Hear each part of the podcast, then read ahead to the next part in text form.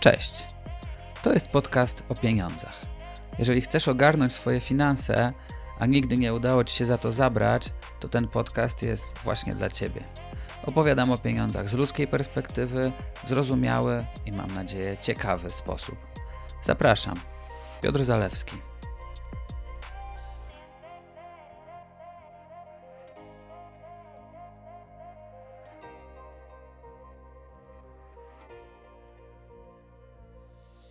Dzisiaj opowiem trochę o globalnym rynku obligacji, a przede wszystkim postaram się odpowiedzieć na pytanie, dlaczego rynki obligacji idą w dół. Ba, według niektórych analiz ostatnio jest najgorszy czas dla obligacji od 1926 roku. Postaram się też wyjaśnić, co z tego wynika dla inwestora pasywnego, bo obligacje są przecież elementem prawie każdego portfela inwestycyjnego. Impulsem do powstania tego odcinka było spotkanie z moim bardzo bliskim znajomym. Na potrzeby tego odcinka pozwólcie, że nazwę go P. P dwa lata temu zainwestował w globalny portfel 50% akcji, 50% obligacji u robodoradcy Finax.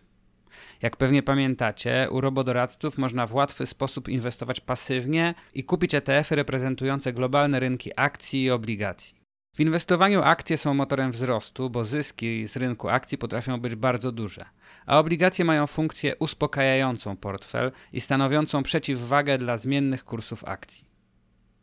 Założenia są takie, że im portfel jest bardziej agresywny, tym większe są w nim udziały akcji, a im spokojniejszy i mniej zmienny, tym większe powinny być w nim udziały obligacji. Portfel 50 na 50 można by więc nazwać zrównoważonym, takim, który co prawda nie daje jakichś gigantycznych wzrostów, ale jego zmienność, tak zwane volatility, nie jest specjalnie duża.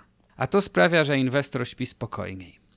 Jeśli nie inwestujesz samodzielnie, to ten temat może wydawać ci się trochę abstrakcyjny. Jednak jeśli zdecydowałeś się na odkładanie choćby w ramach pracowniczych planów kapitałowych, czy też masz fundusz inwestycyjny, to z dużym prawdopodobieństwem twój portfel może mieć także duże udziały, czyli tak zwaną dużą ekspozycję na globalne rynki obligacji i może też aktualnie zaliczać spadki.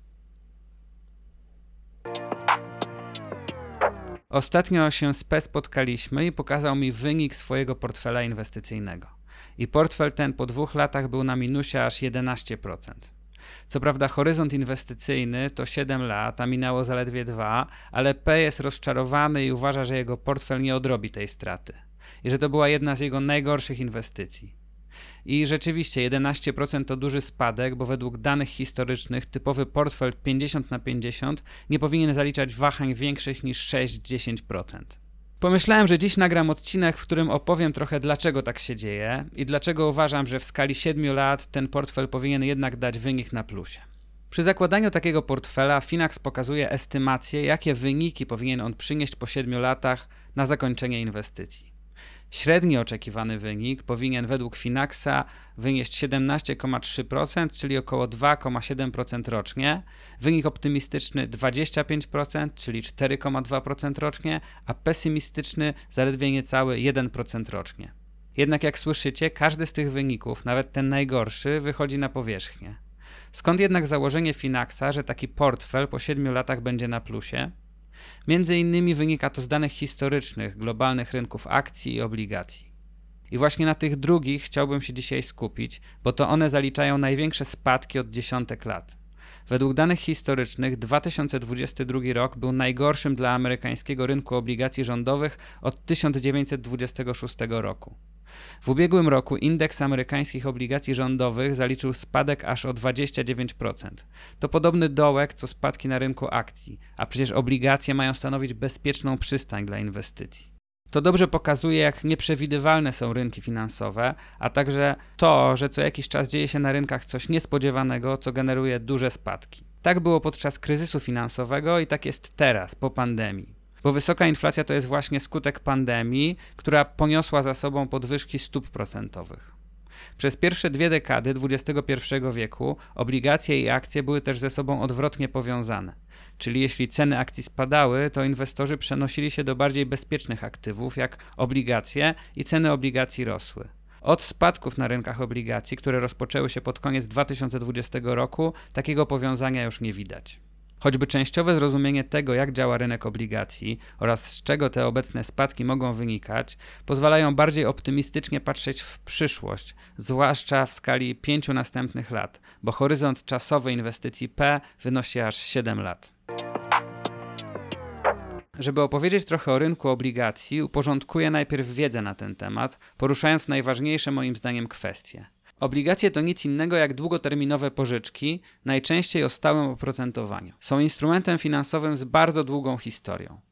Pierwsze rozwiązanie, które przypominało dzisiejsze obligacje, sięga aż starożytnej Mezopotamii i roku 2400 przed narodzeniem Chrystusa. Obligacje przypominające współczesne zostały wynalezione w XIII wieku w Wenecji, kiedy to państwo miasto pożyczało pieniądze od swoich mieszkańców, bo potrzebowało tych pieniędzy na finansowanie konfliktu z Konstantynopolem. Wenecja wypuściła papiery, które gwarantowały, że będzie za nie płacić dożywotnie odsetki w wysokości 5% rocznie. Z kolei w XIX wieku to obligacje pomogły w finansowaniu angielskiej armii, co pośrednio wsparło ją w pokonaniu Napoleona, ponieważ Francja polegała wtedy na krótkoterminowych i wysoko oprocentowanych pożyczkach bankowych. Później obligacje osiągnęły zawrotną karierę i obecnie stanowią jeden z głównych elementów globalnego systemu finansowego. Obligacje przypominają standardowe kredyty, ale różnią się od nich przede wszystkim na dwa sposoby. Po pierwsze, dla posiadacza obligacji są one niezależne od zewnętrznych czynników, takich jak stopy procentowe. Stąd obligacje często nazywa się fixed income, czyli dające ich posiadaczowi stały dochód. Po drugie, co bardzo ważne, obligacje są w obrocie na rynku wtórnym, gdzie można je łatwo kupować i sprzedawać. Przez setki lat obligacje miały formę papierowych dokumentów, papierów wartościowych, na których widniała kwota nominalna, np. 100 guldenów, oraz kupony związane z terminem zapadalności. Na przykład obligacja emitowana na 5 lat i oprocentowana na 10% rocznie miała 5 kuponów, każdy o wartości 10 guldenów. Po roku można było zrealizować kupon i otrzymać 10 guldenów, a na przykład po dwóch latach sprzedać całą obligację i otrzymać 120 guldenów. Ówczesne obligacje nie uwzględniały więc procentu składanego. Dzisiaj obligacje występują w wielu różnych typach, różniących się m.in. sposobem naliczania oprocentowania, wartością sprzedaży czy tego, kto jest ich emitentem. Obligacje charakteryzują się też różnymi terminami zapadalności. Mogą to być np. obligacje krótkoterminowe, których zapadalność następuje od roku do 3 lat, czy długoterminowe określane jako co najmniej dziesięcioletnie. Obecnie rynek obligacji jest jednym z głównych światowych rynków, nawet większym od rynku akcji, i właśnie dlatego mówi się o nim, że stanowi kręgosłup globalnego systemu finansowego. Dwa główne typy obligacji to rządowe i korporacyjne. Zarówno rządy państw, jak i firmy, w tym te najbardziej znane jak Tesla czy Netflix, emitują obligacje, by pozyskać kapitał. W obydwu przypadkach obligacje mają określone, najczęściej stałe oprocentowanie, które dłużnik zobowiązuje się spłacić, bo obligatio to z łaciny właśnie zobowiązanie. Z perspektywy uczestnika rynku, który po prostu kupił obligacje i trzyma je do terminu zapadalności, np. jednego roku, zmienność cen na rynku obligacji nie jest istotna.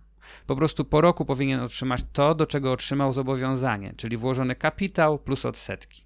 Kupując obligacje skarbowe detaliczne, o których opowiadałem w odcinkach 9 i 28, jesteś właśnie w takiej sytuacji.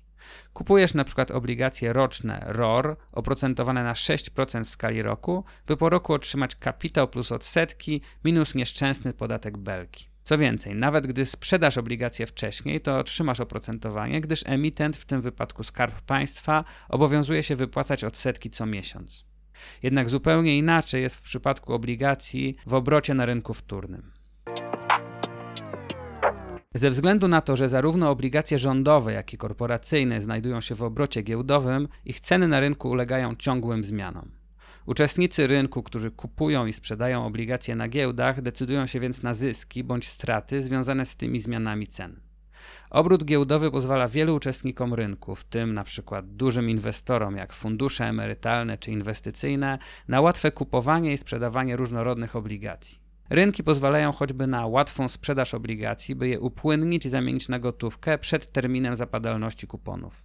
Z kolei jeśli ceny obligacji na rynkach rosną, to inwestorzy mogą chcieć je sprzedać, by otrzymać premię w stosunku do tego, za ile je pierwotnie kupili.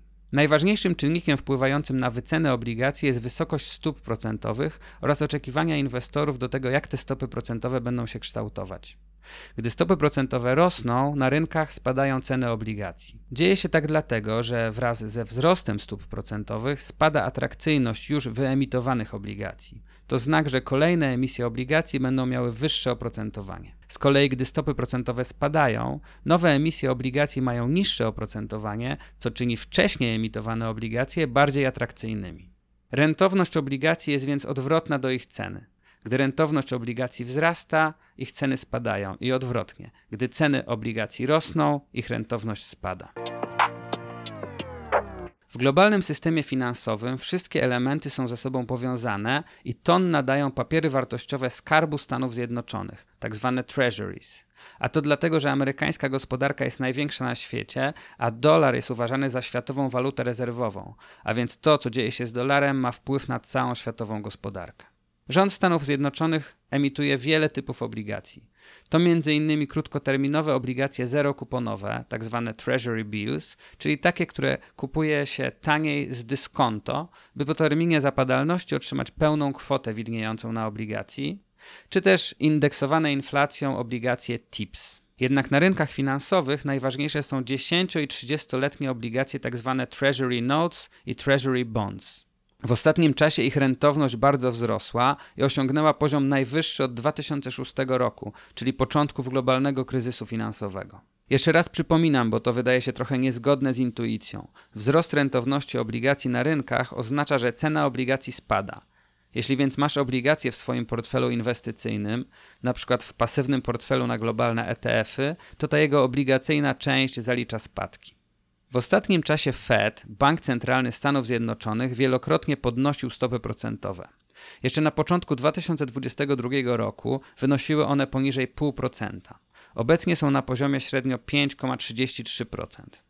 Fed podniósł stopy procentowe po to, by walczyć z inflacją, która w 2021 roku wyniosła jak na Stany rekordowy poziom 7%, a w 2022 nadal utrzymywała się na bardzo wysokim poziomie ponad 6%. Obecnie wynosi 3,7%, tymczasem cel inflacyjny Stanów to 2%. Po pandemii z inflacją zmaga się prawie cały świat, w tym oczywiście Polska, gdzie przypomnę, inflacja w lutym 2022 roku doszła aż do poziomu 18,4%. Żeby walczyć z inflacją, stopy procentowe były więc podnoszone na całym świecie. Między innymi dzięki tym działaniom inflacja spadła już z tych rekordowych poziomów, ale nadal w większości krajów utrzymuje się sporo powyżej celu inflacyjnego. Na przykład w Polsce we wrześniu wynosiła aż 8,2%. Wysoka inflacja, co za tym idzie rosnące stopy procentowe, to zatem główny czynnik odpowiadający za spadek cen obligacji rządowych na światowych rynkach. Od stycznia 2022 roku globalne rynki obligacji zaliczyły około 16% spadek. A co z obligacjami korporacyjnymi? Bo one też bardzo wyraźnie idą w dół. Tu jest podobnie. Ze względu na wysoką inflację, kupony odsetkowe obligacji korporacyjnych przestają być atrakcyjne. Co ci przyjdzie z oprocentowania 5% rocznie, kiedy inflacja zjada cały zysk, który dana obligacja miała wypracować? Firmy chcące pozyskać kapitał muszą więc emitować wyżej oprocentowane obligacje, by przyciągnąć pożyczkodawców. Co więcej, firmy chcące pozyskać kapitał mają większe trudności z uzyskaniem go w bankach, właśnie ze względu na rosnące stopy procentowe. Główna rola stóp procentowych to zwiększenie kosztów kredytów, rośnie więc tzw. Tak koszt pieniądza. Banki centralne, podnosząc stopy procentowe, podejmują trudną decyzję, bo z jednej strony ich zadaniem jest ochrona wartości pieniądza, a z drugiej nie chcą zbyt drastycznie ochłodzić gospodarki, bo wzrost stóp procentowych sprawia, że aktywność gospodarcza przyhamowuje. A zbyt duże przyhamowanie gospodarki może oznaczać dla wielu firm kłopoty, co sprawia, że mogą one na przykład nie przetrwać recesji. To wszystko przekłada się na sprzedaż przez inwestorów obligacji korporacyjnych, które uważane są za bardziej ryzykowne od większości obligacji rządowych. Dużo do powiedzenia na temat wypłacalności danego rządu czy właśnie korporacji mają agencje ratingowe, które oceniają ich wiarygodność kredytową. No i w ostatnich dwóch latach więcej korporacji otrzymuje od agencji ocenę spadkową od wzrostowej. Na przykład w tym roku Moody's obniżyło rating, a więc wiarygodność kredytową 787 firm, a tylko 492 firmom podniosło tą wiarygodność. To najwięcej takich obniżeń ratingów od 2020 roku. Wszystkie te czynniki sprawiają, że rynki obligacji korporacyjnych zaliczają również bardzo duże spadki. Na przykład ETF śledzący indeks europejskich obligacji Bloomberga jest na minusie od kwietnia 2022 roku. Czy to już koniec? Czy nic dobrego już nie wydarzy się na światowych rynkach obligacji i całe inwestowanie w obligacje traci sens? Specjalnie tak trochę przesadzam, ale chcę też oddać emocje kogoś, kto po dwóch latach inwestycji jest na dużym minusie. Takie duże spadki zawsze sprawiają, że na rynki patrzy się negatywnie i bardziej pesymistycznie niż pewnie jest w rzeczywistości. Obligacje jednak wreszcie odbiją. Nie wiem kiedy to będzie, choć grupa wpływowych inwestorów z Wall Street okrzyknęła mijający rok mianem Year of the Bond, bo to odbicie miało nastąpić właśnie w tym roku. Jak na razie tak się nie stało, co więcej, rentowność amerykańskich obligacji dziesięcioletnich osiągnęła rekordowy poziom 5%, najwyżej od 16 lat. Ceny amerykańskich obligacji spadły więc równie rekordowo. Ten dobry rok na zakup obligacji miał oznaczać, że wreszcie uda się okiełznać inflację i stopy procentowe ustalane przez amerykański bank centralny zaczną spadać. Jednak amerykański Fed na razie pozostawił stopy procentowe na poziomie 5,25-5,5% i dokonał w tym roku aż pięciu podwyżek stóp. Co więcej, we wrześniu okazało się, że to może być nie koniec podwyżek. A do tego Fitch, jedna z agencji ratingowych, obniżyła wiarygodność kredytową Stanów Zjednoczonych ze względu na rosnący deficyt budżetowy. To być może dobry moment na zakup obligacji jest właśnie teraz, pod koniec 2023 roku bo teoretycznie kupować obligacje jest najlepiej tuż przed rozpoczęciem obniżania stóp procentowych. I tak właśnie radzi choćby New York Times, który w artykule z 13 października tego roku zachęca do tego, by obligacje kupować właśnie teraz, bo 2024 rok będzie dla tego rynku rekordowy. Ja nie wiem, czy przyszły, czy dopiero kolejny rok będzie mógł uzyskać miano roku obligacji, ale obligacje wreszcie powrócą. Jak to się mówi, nawet po najgorszej burzy wychodzi słońce. Nastąpi moment, kiedy ta zła sytuacja się odwróci, inflacja wystarczająco spadnie i stopy procentowe będą sukcesywnie obniżane na kluczowych rynkach, a obligacje odbiją. I właśnie dlatego tak istotny jest horyzont czasowy inwestycji, bo dłuższy okres inwestycji, co najmniej kilka lat, pozwala takie burze przetrwać, a my, ze względu na naszą konstrukcję psychiczną, bardzo dużą uwagę przykładamy do tego, co tu i teraz.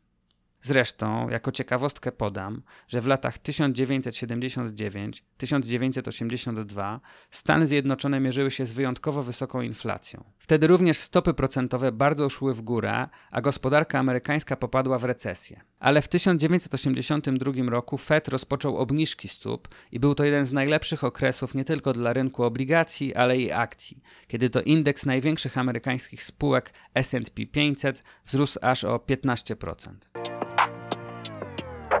A z perspektywy pasywnego inwestora taka zmienność na rynkach ma jeszcze mniejsze znaczenie, bo po pierwsze zakłada, że inwestujesz przez wiele lat, na przykład w przypadku portfela założonego przez P przez 7 lat. A po drugie, inwestując co miesiąc stałe kwoty, mniejsze znaczenie mają dla ciebie te wahania rynkowe, bo kupujesz regularnie, zarówno na górce, jak i na dołku.